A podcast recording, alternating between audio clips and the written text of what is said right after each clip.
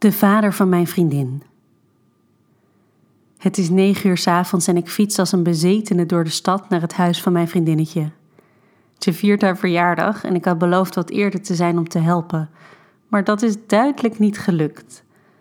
Op de een of andere manier denk ik door nu keihard te fietsen de twee uur dat ik te laat ben nog goed te maken. Ik negeer dat mijn jurkje opwaait en iedereen hier waarschijnlijk kan zien dat ik vandaag voor een zwart kantenstring ben gegaan en fiets stug door. Ik was zo kapot naar werk dat ik even was gaan liggen, in de overtuiging dat ik mijn wekker had gezet voor zes uur s avonds. Op die manier zou ik nog genoeg tijd hebben om me aan te kleden, op te tutten en op tijd bij Suzanne te zijn om te helpen. Maar dat was duidelijk niet helemaal goed gegaan. Een paar minuten later sta ik hijgend en bezweet voor haar deur. Als ik aanbel, word ik binnengebust. Bovenaan de trap word ik opgewacht door John, de veel te leuke vader van Suzanne. Is ze erg boos? Is het eerste wat er uit mijn mond komt. John drukt een witte wijn in mijn hand en glimlacht. Valt wel mee. Jamie is er, dus heeft haar handen vol. Hij knipoogt naar me en ik voel mijn wangen gloeien. Ik gooi snel de helft van mijn glas wijn naar binnen en loop achter hem aan mee naar binnen. Gelukkig word ik vol enthousiasme ontvangen door Suus, die inderdaad niet veel tijd voor mij heeft en zich binnen enkele seconden alweer op haar crush Jamie stort. Ik socialize een beetje met wat vriendinnen en haar nichtje tot mijn glas leeg is. Uit de koelkast plunder ik de fles wijn en schenk mezelf nog een glas in. Een tweede glas wordt naast het mijne gezet en als ik opkijk zie ik John naast me staan. Zonder iets te zeggen schenk ik ook hem bij. Cheers hè, op Suzanne. Ik houd mijn glas omhoog en hij tikt de zijne er tegenaan. Ja, op Suzanne. Hoe gaat het met jou? Met je vriendje? Hoe heet hij ook alweer? Hij kijkt me vragend aan. Sander en ex-vriendje, antwoord ik koel. Oh, wat jammer. Toch? Nou, het was niet echt serieus hoor. Hij was nog zo'n jongetje. Ik heb meer behoefte aan een man. Het is eruit voordat ik het door heb. Maar nu ik het gezegd heb, moet ik doorzetten.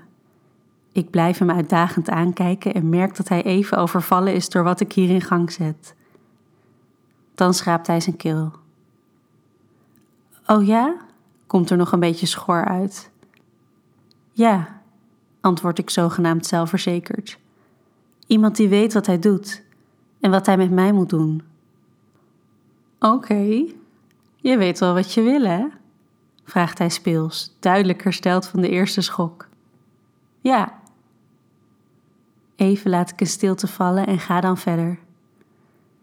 Ik ga even die studeerkamer boven bekijken. Zonder zijn antwoord af te wachten, loop ik langs hem heen naar boven. Zenuwachtig loop ik heen en weer in de onboeiende studeerkamer van Suzanne.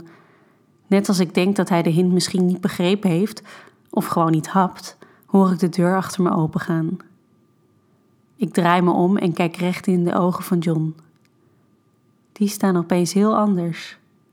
Hongerig. Was je ook benieuwd naar de studeerkamer? Vraag ik met een knipoog.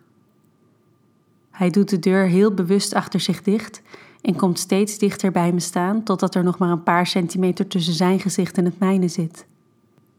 Heel benieuwd, fluistert hij. Dan grijpt hij me, zet me tegen de muur en duwt zijn tong bij me naar binnen. Ik ga er gretig op in en terwijl we wild staan te tongen, glijdt hij met zijn handen over mijn jurkje, via mijn hals, via mijn borst, zij en heup naar mijn been. Volleerd duwt hij mijn jurkje omhoog, mijn string naar beneden en glijdt zijn hand tussen mijn benen. Voor ik het weet, glijdt hij met zijn vinger naar binnen en gebruikt hij die natte vinger om mijn klit te bewerken.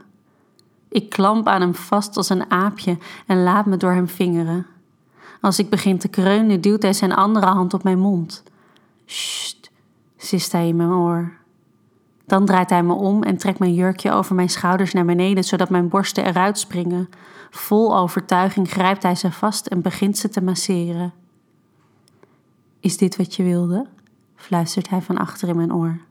Mhm, weet ik uit te brengen, bang weer luidruchtig te zijn. Neuk me, moedig ik hem aan. Dat valt hij op als zijn uitnodiging om zijn broek naar beneden te trekken en me over het bureau te laten buigen. Hardhandig duwt hij mijn benen uit elkaar en zichzelf bij me naar binnen.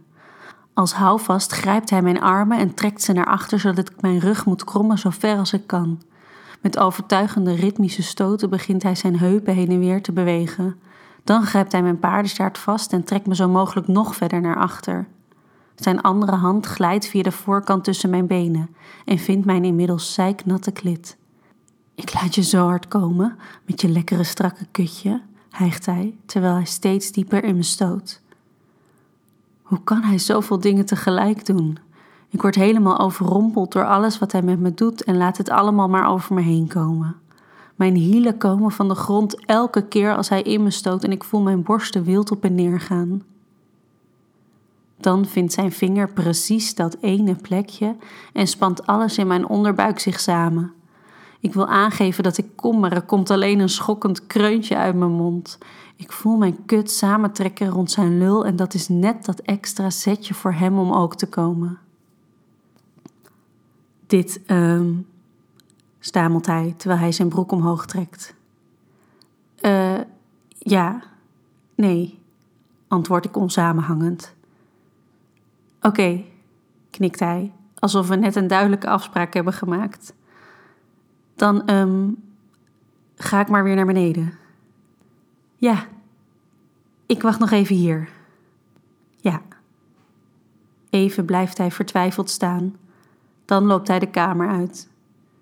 Vlak voordat hij de deur dichttrekt, steekt hij nog even zijn hoofd om de hoek. Je bent heerlijk. Hij knipoogt en dan is hij weg.